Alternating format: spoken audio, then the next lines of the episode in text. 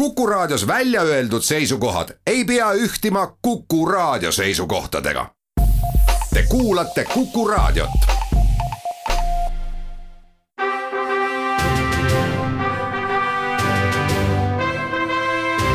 vahetund Tartu Postimehega. tere päevast, head sõbrad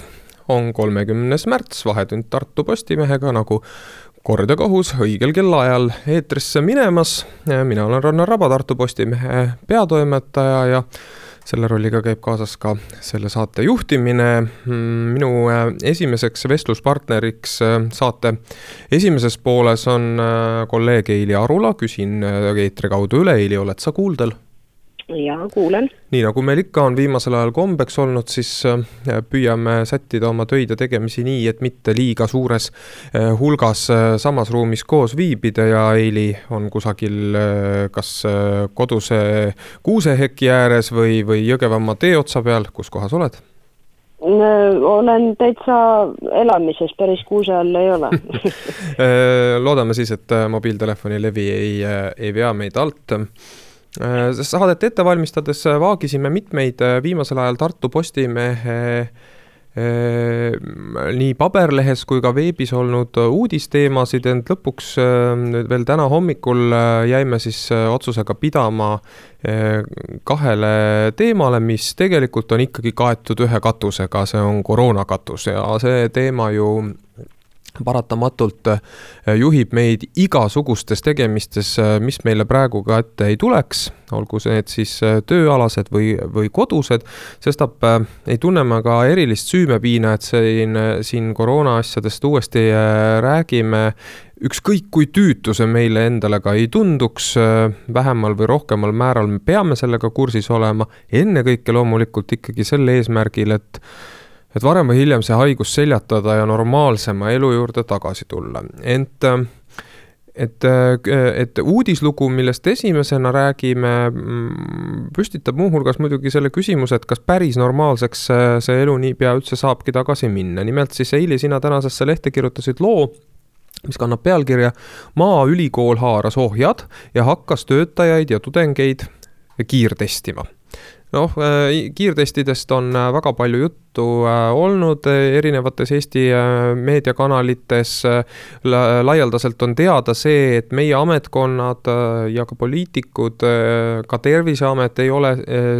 seni andnud voli nende mm, noh, nii-öelda, nii-öelda ametlikuks kasutamiseks. ja seepärast on inimesed pidanud koroonateste tegema ikkagi seal, kus nad on seda pidanud juba vaat enam kui aasta aega tegema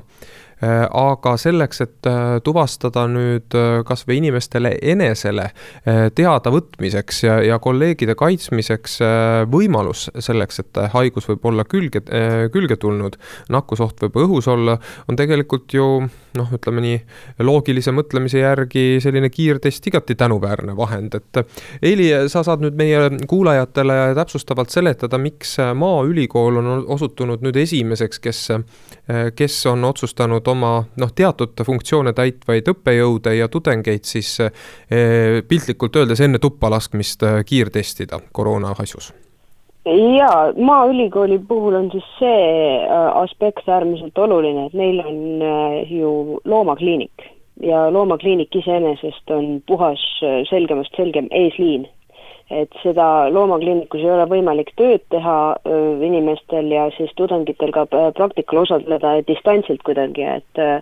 koera või kassi nagu veebi kaudu opereerida on suhteliselt keeruline. Äh, tähendab, et mitte öelda võimatu, ühesõnaga, et jah, et nemad peavad seal tööl käima ja see ja, ja selleks, et siis äh, oleks seda kindlust, et see viiruse risk oleks võimalikult madal, et nad on andnud kõik endast oleneva, et seda puhangut seal ei tekiks, sest et noh, neil tõepoolest see on hädavajalik äh, hädavajalik koht, kus, kus inimesed peaksid ikkagi kohapeal tööl käima, siis nad võtsid kasutusele need kiirtestid. sealjuures muidugi on oluline märkida, et see ei tähenda, et kui nüüd noh, hommikul kui siis vahetus tööle tuleb kell kaheksa, teeb selle kiirtesti ära ja kui seal on vastus negatiivne, et siis lendavad maskid nurka ja siis käib äh, see elu nii-öelda nagu normaalselt edasi, ilma igasuguseid äh, neid nõudeid täitmata, et ei, et see lihtsalt on üks võimalus anda kindlust, et tõepoolest ei, keegi ei tule nakatununa tööle. -hmm. sa rääkisid ka rektor Mait Klaasseniga küsisid tema käest, et kuivõrd võiks olla samasuguse meetodi kasutamine tarvilik äh, siis ähm, mingite teiste teaduskondade või, või tegevuste puhul ja ma saan sinu loost aru, et, et nii kaugele Maaülikool ikkagi ei ole otsustanud minna, puhtalt esialgu, tähendab, nii palju, kui mina oskan siit äh, noh, nii-öelda kuiva loogika alusel järeldada, siis ennekõike selle tõttu, et selline kiirtestimine ju maksab päris palju jaa, absoluutselt, et äh, praegu need kaks instituuti, üks on siis see Veterinaar- ja Loomakasvatuse Instituut, kes siis äh, oma tööl käivaid äh, töötajaid ja, ja tudengeid testib, on siis ostnud need testid oma instituudi kulude eest ja teine on siis taime äh, taimeteadusega tegelev instituut, sealt ka ja seal on ka vähem, on, on siis neid, keda, kes päriselt peavad praktikume tegema, et, et neid, neid ka siis äh, test, testitakse seal vajaduspõhiselt. et tõepoolest see on kalliks, kallis, teine asi on ka see, et noh, testimine, testimise mõte on ju see, et need, et need inimesed, kes peavad hädapärast ninapidi kokku puutuma ja päriselt äh, tööl kohal käima ja inimestega suhtlema, et, et nemad oleks siis kindlad selles, et nad ei ole nakatunud, et noh, igasugust muud auditoorset tööd, elu on ju näidanud, et saab teha distantsilt, et selleks, et lihtsalt ajada tudengid taas auditoorium täis, et selleks kiirtestida, noh, see ei ole, see ei ole asja eesmärk no ma siiski, noh okei okay,, hea küll, võib-olla siis ähm, auditoorse äh, õppetöö asjus võib-olla tõesti oleks seda liiga palju tahta, samas äh, päris mitmed äh, elulised funktsioonid, mis praegu on surutud kodukontoritesse, sest noh, neid saab hädapärast kodus teha, võiksid ju nendesamade kiirtestide abil olla vähemalt mõneks ajaks ikkagi ka noh, ütleme nii-öelda toodud sellise erilahendusena tagasi, et no kui ma mõtlen kasvõi ajalehetoimetuse peale, et meie oleme kõik vähemalt suurem osa meist äh, olnud äh, juba pikalt ja ilm, emotsioon ütleb, et ilmselgelt liiga pikalt äh, kodukontorites, aga, aga me hoiame hambad risti ja, ja ei, ei, ei, ei valmistu veel kohe lähinädalatel toimetusse naasma. samas mõtlen, et kui see kiirtestimine oleks meile jõukohane majanduslikult ja kättesaadav ja aktsepteeritud, et siis miks me ei võiks seda teha nii, et ajakirjanikud tulevad ikkagi hommikul toimetusse kokku ja, mm, ja, ja saavad seda väga tarvilikku sünergiat kolleegidega luua, millest tekivad ka paremad lood võib-olla. noh, nii, ja see oli nüüd meie enda isiklik äh, selline vaatenurk, aga, aga kas samamoodi ei võiks mõelda paljud teised ja, asutused? Just ajakirja, ajakirjanikud ajakirjanikeks, et äh, noh, see on niisugune, et kas ja võiks ja tore oleks ehk, aga pigem ma justkui mõtlen selle peale, et alustame tõesti näiteks poemüüjatest, kellel ka ei ole tõesti, ei ole võimalik tööd distantsilt teha, et nemad on küll täielik eesliin selles osas, et äh, kes on ka selline eesliin, äh, kes ei saa siis riikliku vaktsineerimiskavaga esmajärjekorras vaktsineeritud, et miks mitte äh, siis toiduketid võiksid hoolitseda selle eest, et, et tõesti see risk oleks võimalikult minimaalne, nagu ma juba enne ka rõhutasin, et see ei tähenda, et kui see kiirtest on tehtud ja see test on negatiivne, et siis äh, tõesti ei peaks äh, maski ette panema ja ei peaks distantsi hoidma, et, et see on lihtsalt üks lisameede aga jah, kaalumise koht, et seda rohkem, rohkem kasutada, sest noh, iseenesest on Maaülikooli puhul näide olemas, et eelmisel nädalal kaks kiirtesti näitasid äh, positiivset tulemust. peale selle siis need kaks äh, kiirtestiga positiivse vastuse saanud tegelast saadeti koju, nad läksid siis Synlabi seda nii-öelda päris testi tegema, seda PCR-testi ja, ja selgus, et need olidki koroonapositiivsed, nii et see kiirtest täiesti töötab mm. -hmm nüüd äh, eesliini töötajatest veel äh, rääkida, siis muidugi noh, needsamad sinu poolt mainitud poemüüjad, ma arvan, et nende puhul üldse arutada selle üle, et kas ja kui palju peaks nende igapäevast äh, tööl käimist abistama need kiirtestid, noh, hea küll, et seda võib ju äh, teha küll, aga lõppude lõpuks meie praegu kiire esimene eesmärk, noh, ühiskonnana tervikuna peaks olema, et need inimesed peaksid saama vaktsineeritud ja kui nad saavad vaktsineeritud, siis see praegune teema, millest me räägime, vähemalt osaliselt kukub ju üldse ära absoluutselt, aga seniks kuniks, et seniks, kuni seda vaktsineerimist äh, nendele eesliinitöötajatele, kes seda väga vajavad, ei ole tehtud, see oleks lihtsalt üks lisameede, mis äh, annaks inimestele kindlust, et äh, et tõesti, kui nad tööpäeva lõpetavad ja lähevad koju oma kallite inimeste juurde, et siis nad ei võta lisaks toidukotile ja, ja suurele soojale, soojale naeratusele kaasa ka paha viirust. et see on nagu noh, selline, selline üks mõte, et aga noh, jah, vaktsineerimine oleks ikka A ja O mm. -hmm. nii kokkuvõtteks ütleme siis nii, et, et äh, mis peamine, see sai ka meil pealkirjas välja toodud, et Maaülikool haaras ohjad. nii nagu selles äh, koroonaviiruse ohjeldamises äh, on mitmeid puhkusid tõdetud, on oleme me juba, tähendab, oleme juba näinud ja ilmselt saame ka edaspidi näha, olgu siis tegemist vaktsineerimispasside või millegi muuga, et varem või hiljem äh, elu ise teeb äh, kiiremad ja, ja täpsemad korrektiivid, kui, kui, äh, kui valitsuse või, või teadusnõukoja otsused saavad seda teha, et. et ähm, siin on ka see ehe näide olemas meil nüüd selle Maaülikooli äh, kogemuse pealt, et, et asutused saavad ja võivad ja ka peavad otsima paralleelselt ise lahendusi, mis äh, olukorda aitavad äh, parandada. aga nüüd oleme küll äh, jõudnud kellaga juba sinnamaani, et teeme reklaamipausi ning siis veel pooltunni uudisteni jätkame Eili Arulaga siit ühe teise nurga alt koroonajuttu.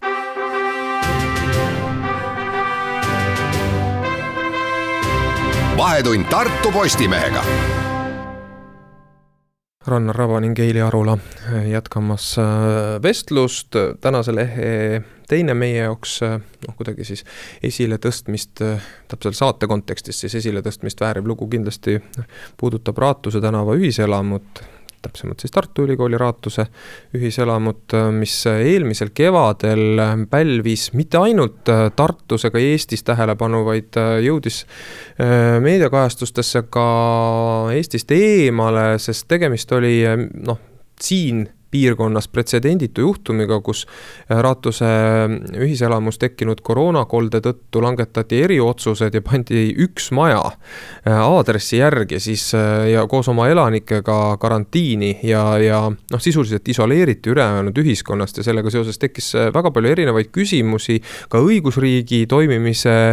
mm, alusmõtete asjus. Äh, miks me siis sellest praegu räägime, on see, et, et äsja äh, sai ilmsiks, et äh, ega siis tudengid, kes on jäänud sinna ühiselamusse mm, elama, suur osa neist nähtavasti ei ole oma päritolult üldse mitte eestlased, aga see ei pruugi lõppude lõpuks olla ju kuidagipidi tähtis. inimene on inimene, kodu on kodu ja ühiselamu on ühiselamu, et nad ei ole siiski äh, päris äh, kõiki selliseid reegleid järginud, mida me praegu äh, peame mõistlikuks koroonaviiruse ohjeldamisel järgida. nimelt siis sai politsei, ütle nüüd Eili, mis päeval see oli, laupäeval? Laupäeva, laupäeva õhtul ja, välja väljakutse sinna ühiselamusse ja kutsujaks oli keegi eh, ühiselamu elanikest, kes siis kurtis, et ühes teises eh, eluruumis eh, peetakse väga rahvarikast ja väga lärmakat pidu ja kui politsei jõudis kohale, siis korrakaitsjate saabumist muidugi silmati, pidu jooksis laiali, aga ometigi ei teadnud sellest maja valvur mitte midagi ja keegi teine justkui nagu varem ka ei olnud sekkunud. nüüd mille, miks me sellest äh, räägime, see, et noored inimesed tahavad pidu pidada ja et pidu läheb vahetevahel äh, käest ära, on äh, minu arvates pigem nagu loodusnähtus, millega võidelda ei ole mõtet. aga see on küll küsimus, et kuidas me nüüd ikkagi teame, mis siis on lubatud ja mis mitte, et sellest, kuna see info tuli meile eile suhteliselt hilja ja trükilehes me ei jõudnud seda korralikult lahti kirjutada, siis Eili, nüüd on sul see võimalus raadioeetris, et tohib siis pidu pidada koos sõpradega koduses, kodus või ei tohi, tänaval hoiame kaks pluss kaks reeglit, aga toas? jaa, toas on sedasi, et äh, sõna, sõnastus on siis äh, säärane, et äh, ei ole üldse soovitatud kodus pidu pidada ja võimalikult palju vältida erinevaid seltskondlikke kogunemisi need on siis praegu suunised, need on, mis nii-öelda on riiklikud äh, nõuded või siis äh, konkreetsed piirangud, need puudutavad ennekõike avalikku ruumi. et seega igasugused kogunemised, äh, mis on siis nii-öelda kodudes, on, on siis nii-öelda oma südametunnistuse küsimus, kui nii võib siis öelda mm. -hmm on meil siis selle kohta miskit muud arvata kui seda, et kuidas see teisiti võikski olla, nii see ainult saabki olla ju? jaa, absoluutselt, aga jah, et me kuidagi, kuidagi selles osas kirjutada seadusesse või siis nii-öelda ette kuidas, kuidas on nüüd õige öelda siis, sellesse õigusaktidesse sisse kodus mingit koosviibimist ja piiramist ei, noh, seda ei ole praegu tehtud et praegu kõik need piirangud, kui neid rida-realt lugeda, kehtivad piirangud puudutavad siis avalikku ruumi või siis kaubandust, koole, haridust, mingisuguseid huviringe. Aga see, et kas juubelit ja, ja, ja ka neid rendipindasid nii-öelda, kes siis näiteks, kes siis näiteks rendivad mingisuguseks sündmuseks ruume välja, aga seda, kas ma kodus juubelit võin pidada ja endale viiskümmend inimest külla kutsuda, selle kohta mingisugust sisulist reeglit ei ole. et küll on aga küll, tõesti... on küll reegel olemas, ei või. väga lihtne või. vastus on ei või. ei või senikaua, kuni sul on mõistus peas ja Just täpselt nii tulebki lähtuda ja mulle meeldib see, et Eesti riik ka oma inimestesse suhtub äh, ennekõike nii, sest me oleme näinud ka demokraatlikes äh, ühiskondades, meist siit üldse mitte väga kaugel, kui on äh, antud välja korraldusi ka, ka siis koduseks käitumiseks ja noh, piltlikult öeldes nagu eriti kurioossed telepildid on olnud ju sellest, kuidas politsei on murdnud kellegi ust maha teadmises, et naabrimees läks naabrimehe juurde õlut jooma, ehkki see ei olnud nagu reeglite reeglitega lubatud.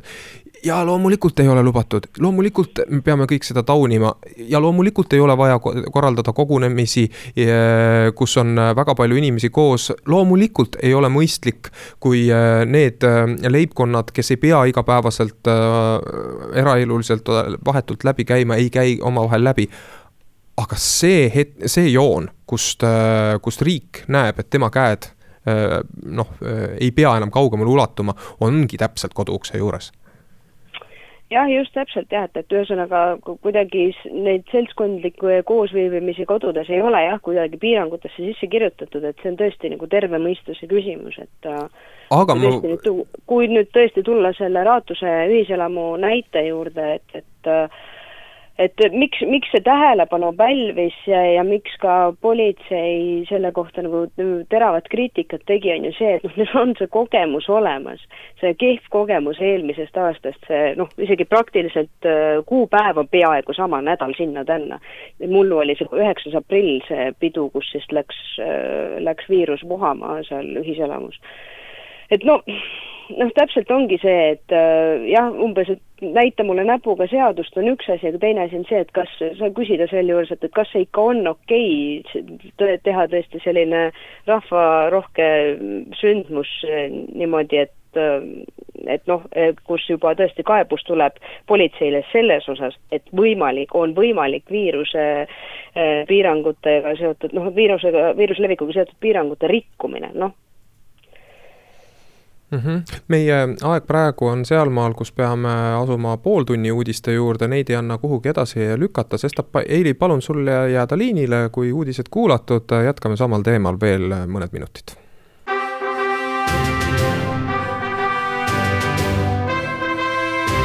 vahetund Tartu Postimehega saade jätkub nii, et äh, vestlust äh, veeretavad siin Heili Arula ning Rannar Raba. Äh, meie jäime enne pooltunni uudiseid pidama uudise juurde, mis kajastas seda, et, et Raatuse tänava ühikas on peetud kõva pidu. vähe sellest, et tegemist oli lärmaka kogunemisega, on tekkinud sellega seoses üles siis ka küsimused, et mida ühiselamust teha võib ja mida mitte. ja kas ühiselamut saab ja peab ikkagi käsitlema tavalise koduna, nii nagu seda on kelle iganes kodu, ükskõik kas siis eramajas või kortermajas või minu pärast ka talu keset äh, lagendikke või metsi. et äh, iseenesest äh, ma ju siin ennist isegi enne uudiseid ütlesin, et minu arvates Eesti riik teeb hästi, kui ta ei hakka reguleerima karistusi kaasa toovate määrustega seda, mismoodi inimesed oma eluruumides käituda võivad. Et, et alati on olemas ka võimalus manitseda, alati on võimalus rõhuda inimeste kainele mõistusele ja noh, loomulikult kõiki kõiki inimesi korrektselt ja, ja targasti käituma panna ei olegi võimalik, aga, aga me ju ei ole seda ka mitte üheski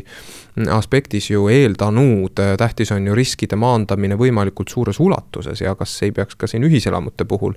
samamoodi lähtuma. teisest küljest, ühiselamute puhul on ju teada seda, et kui neid on renoveeritud, siis on eh, tudengitele ju päris rangesti ette kirjutatud seda, mismoodi nemad nendes ruumides käituma peavad, esiteks öörahu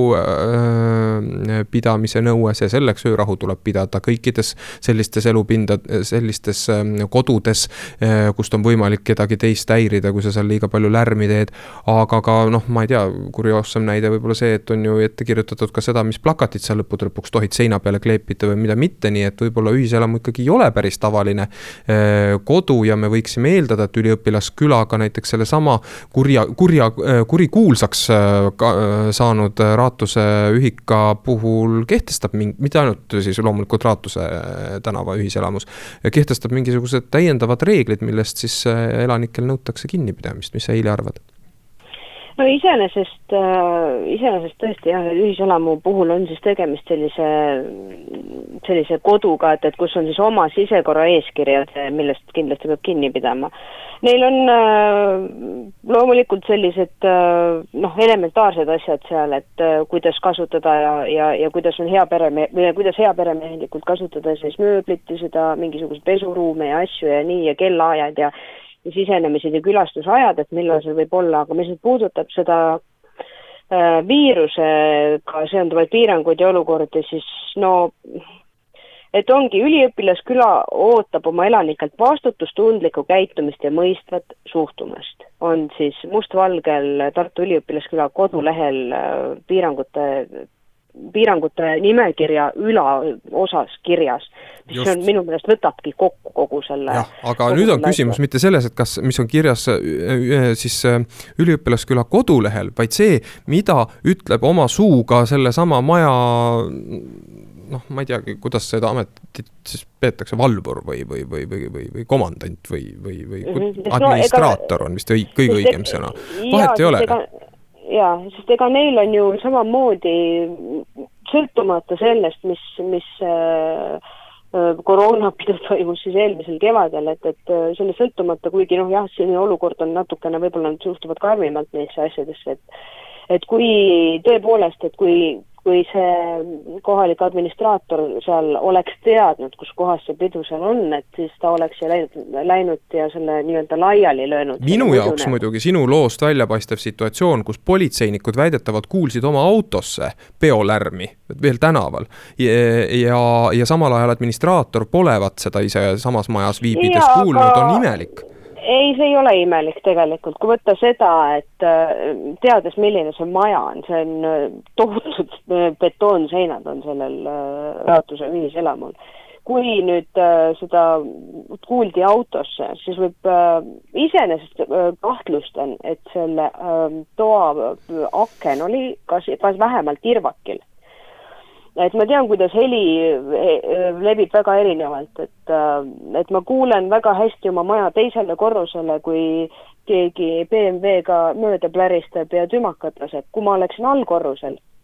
samas majas, ma ei kuuleks seda. Et äh, heli levibki te, te, väga erinevalt, nii et selles osas ma küll ei,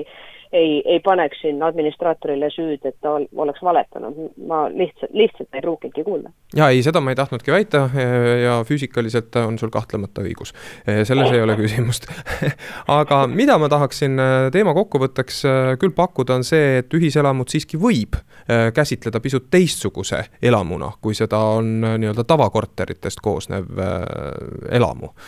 tegemist on ühiselamuga ja kui tegemist on mingis mõttes ühis pinnaga, siis on seal ka ühised riskid suuremad ja kevad, eelmine kevad seda meile näitas, mistõttu päris mm, noh, reageerimata ei saagi jätta nendele situatsioonidele ja noh, ma olen muidugi üsna veendunud, et kui väga lärmakat pidu peetakse ka kusagil mingis eh, ma ei tea, Tammelinna eramajas, siis ega politsei noh, teatud piirini ikkagi sekkub ka seal. absoluutselt.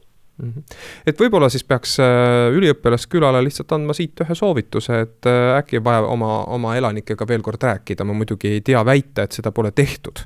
aga seda pidu, äh, selle peo Instagrami kajastusi näinuna ma ütlen, et seal peab olema tegemist kas A vähese informeerituse või B ükskõiksusega. mõlemad on ravitavad olgu, tänan sind, Heili, et äh, aitasid äh, saate esimest kolme veerandit ellu viia, nüüd käime taas reklaamipausil ning siis palun äh, siia stuudiosse mm, kolleeg Aime Jõgi, räägime koroona asjus edasi, aga hoopis teise nurga alt.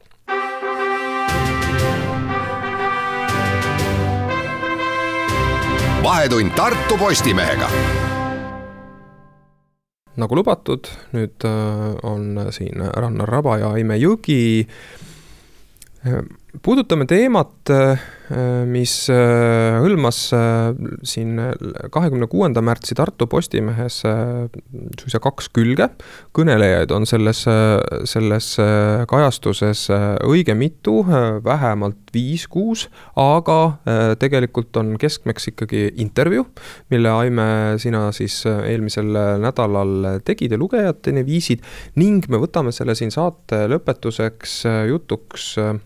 esmajoones seetõttu, et sellest intervjuust äh, tõstatus äh, noh, ütleme siis põhiliselt üks küsimus, eks seda siis saab vormistada väga paljusid,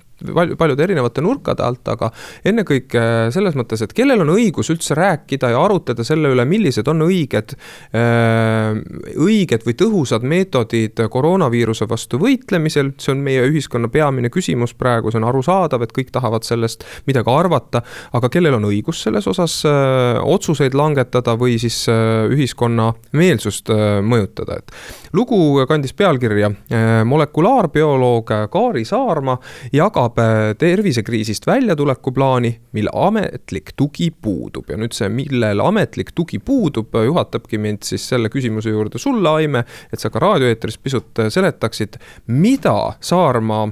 selles intervjuus ütleb ja millele me siis peaksime otsima seda, seda ametlikku tuge või, või vastupidi, ütlemegi, et ei ole vajagi seda ametlikku tuge? kõigepealt ma palun sul hääldada välja sõna hüdroksüklorokviin. ja jätsin selle teadlikult äh, tegemata lootuses, et sa teed seda ise ja aitäh, nüüd on tehtud. hüdroksüklorokviin ehk et äh, see, see intervjuu on jah, tekitanud hästi palju mm, sellist äh, tagasitormi. et, et see on olnud nagu nagu päris huvitav kogemus. või kui nüüd tuletada meelde su küsimust, siis, äh, siis Kaari Saarma räägib siin intervjuus äh, ühest oma mitu kuud kestnud tööst, mille ta on küll pealkirjastanud küllalt selliselt kehtestavalt ja natukene võib-olla isekaltki, et kriisist väljatulemise tervikplaan, et et ma, ma usun, et see võib-olla oleks võinud olla teistsuguse pealkirjaga, et, et saada natukene noh, leebemat kukkumist selle looga. aga, aga siin ta püüab rääkida mm, neist ravimeist, mida Eestis ja suures osas Euroopa riikides eh, koroonaravimitena ei ole tunnistatud Mm, ja selged seisukohad on, et neid äh, Covidi haigete raviks mitte kasutada. oma selles äh, mitmeid kuid kestnud äh, töös, mm, mille tulemusena siis on valminud Kaari Saarmal artikkel,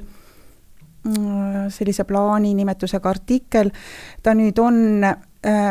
väga paljudele allikatele ja väga paljudes sellistes keskkondades ilmunud ähm, uuringutele toetudes välja toonud julgeid seisukohti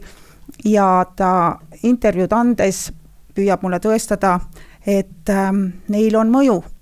et neil on mõju Covid üheksateist haigete ravimisel ja, ja koroonakriisist väljatulekul. ja no vot, nii on, aga, aga paljud ütlevad selle teema peale, et see ei ole teema. Mm, seda enam, et, et, et Kaari Saarma, kes kümme viimast aastat ei ole teadusega otse tegelenud, võib-olla ei ole õige inimene sellest rääkima. ta ei ole ka arst? Äh, ta ei ole arst ja, ja, ja tõesti ametlik seisukoht on, et et need ei ole head ettepanekud, et kõikidel neil raviviisidel ja raviprotokollidel on väga tugevad sellised ohud, väga tugevad kõrvalmõjud ja ja kui ma millegi üle tänulik olen selle loo puhul, siis kindlasti olen ma tänulik kõikidele nendele inimestele, kes sellele loole olid nagu nõus kommentaari andma. Eh, mis, mis on niisugune kommentaar, mis tõesti ka üksikasjaliselt kirjeldab vastu, eh, miks neid soovitusi mitte Äh, üheselt võtta. et ma olen nagu, nagu kahe tule vahele jäänud seda lugu kirjutades, et ühelt poolt on mul väga suur respekt intervjueeritava vastu, teiselt poolt on mul veel suurem respekt meie arstide, meie teadusnõukoja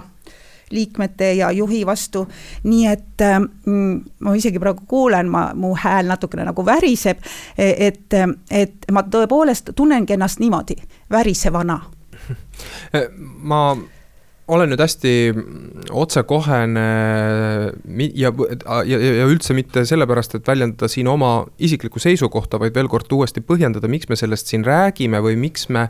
või, või anda kuidagi see põhjendus, et miks me sellest kirjutasime üldse lehes. et mul üks inimene ka pärast selle intervjuu ilmumist pöördus minu poole sellises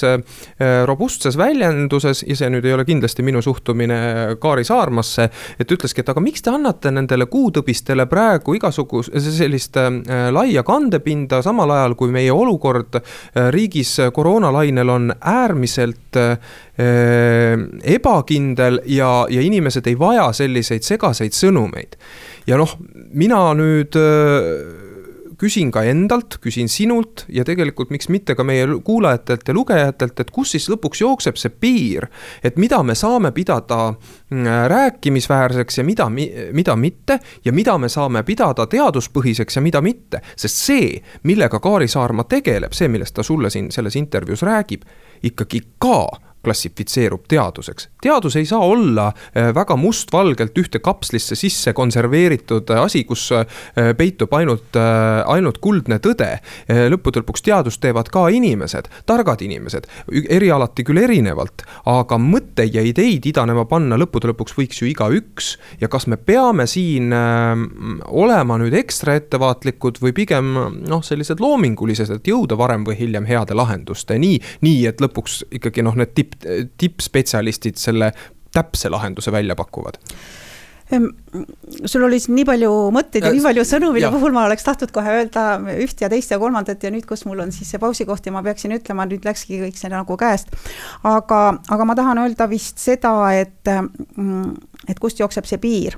et võiks küsida nagu teistmoodi, et, et kus te, kus jookseb ravimise tarkus või kus, mis on ravimise tarkus? mis on ravimite tõhususe hindamise tarkus, et see on seal ravimist saadava kasu ja ravimises saadava kahju vahel. et kahju ei tohi kunagi ületada selle, selle ravimist saadava kasu või, või, või kõrvalmõju. ja ja kui me nüüd vaatame neid teemasid, siis see on täpselt samamoodi, võiks küsida. et tõepoolest, et kuidas sa nimetasid seda inimest, kes ütles, et miks teie paljundate selliste või selliste ideedega inimesi, siis miks panna või miks lüüa äh, miks, miks lüüa äh, lauaga. et, äh, et tegelikult on see eelkõige võib-olla hoopis niisugune õppetund, et et tuleks avatult kõikidest neist asjadest siiski rääkida. ja, ja, ja kui see olukord on niivõrd pingeline, niivõrd kriitiline selle selle koroonaajastu võtmes, kui meil on nagu peaaegu nagu, nagu sõda, aga niisugune sõda, kus meil ei ole tagalat, kus rauamaaki rikastada ja tanke teha, kus meil ei ole võimalik emigreeruda, kus meil ei, me ei tea, millal me saame hakata uuesti ühi-, üles ehitama midagi või taaslooma ja me ei tea isegi, milline on see normaalne, see elu, mille poole me tahaksime jõuda, et hakata seda taaslooma, siis ei ole ime, et tekivad nii polariseeritud seisukohad, tahad. et, et, et siin tuleks võib-olla üks vastuse variant võiks kõlada hoopis see, et, et niisuguses olukorras on mm, kus, kus tundub, et see üksmeel ei jõua kuidagi kohale, tuleks ikkagi kõik osapooled ära kuulata ja, ja tuleks võtta tarvitusele selliste oi, ma sain ka palju kirju, äh, aga sain ka noh, toetavaid kirju ja neid oli tegelikult rohkem, kuigi see ei tähenda, et, et, et, et nüüd üks pool peaks olema kindlasti võidetud ja, ja teine pool all. aga et peaks, peaks selles debatis olema kõigepealt see viisakas ja, ja ärakuulav suhtumine, et ahah niisugused, niisugused faktid, niisugune seisukoht ja siis alustada oma teist väidet. aga mina leian, et nendele faktidele toetudes on minul seesugune seisukoht. ja kui suudetaks niisugust debatti äh, nagu jätkata, siis ma arvan, et, et võidaksid kõik. see koroona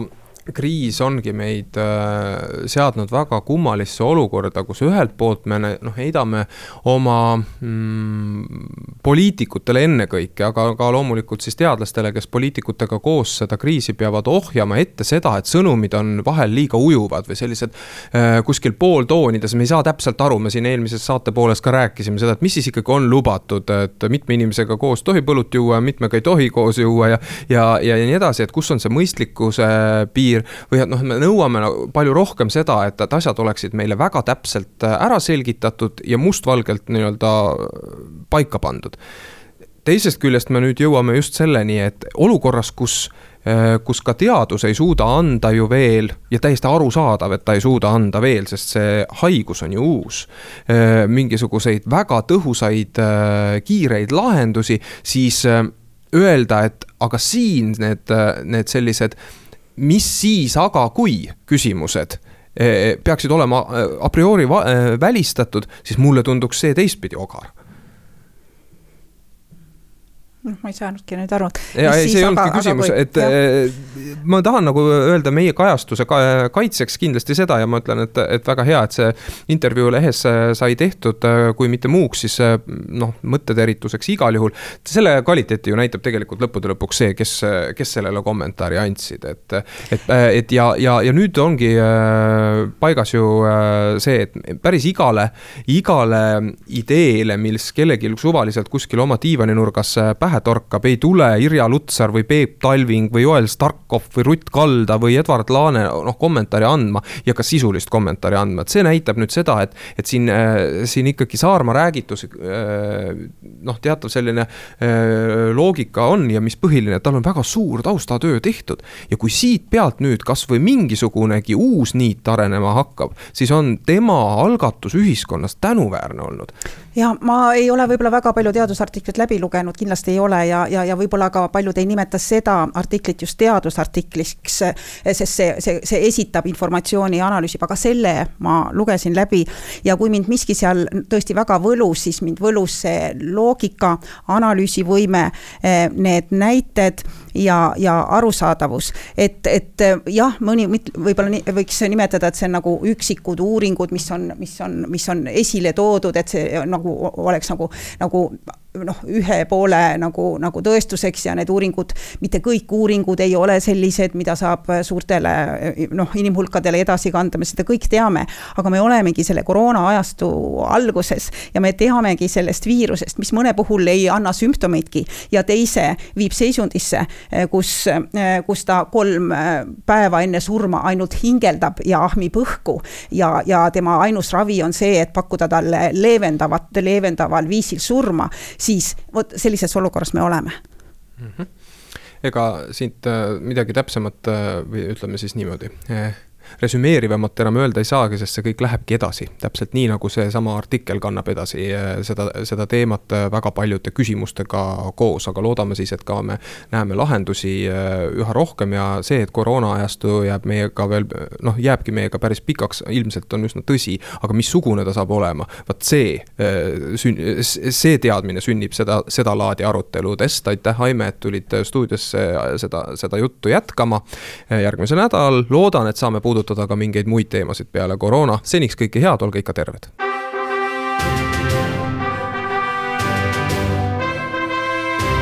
vahetund Tartu Postimehega